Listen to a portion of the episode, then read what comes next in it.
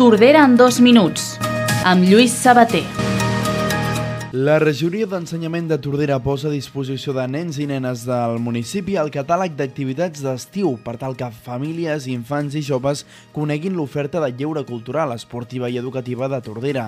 A més, perquè els alumnes de tercer, quart i cinquè de primària de les escoles de Tordera puguin omplir el seu passaport d'adonauta.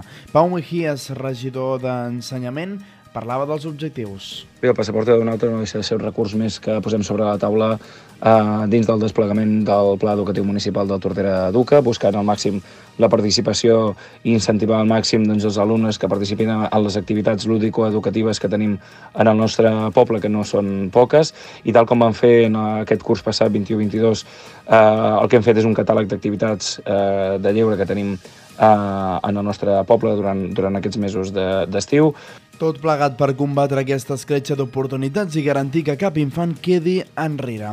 I més informació, Renfe ha adjudicat el contracte pel subministrament, instal·lació i manteniment de pantalles multimèdia a 125 estacions de Rodalies de Catalunya, entre elles a Tordera, una millora que suposa una inversió de 4,42 milions d'euros i la implementació de 661 pantalles.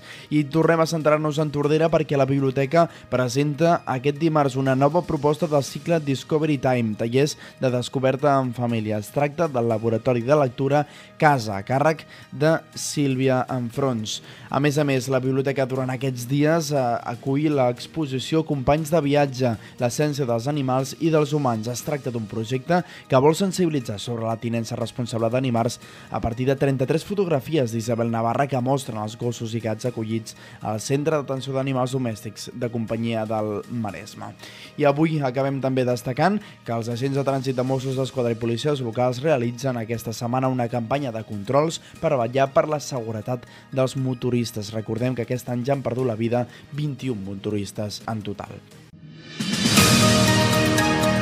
Tordera en dos minuts, un podcast dels serveis informatius de Ràdio Tordera disponible a la web i a les principals plataformes.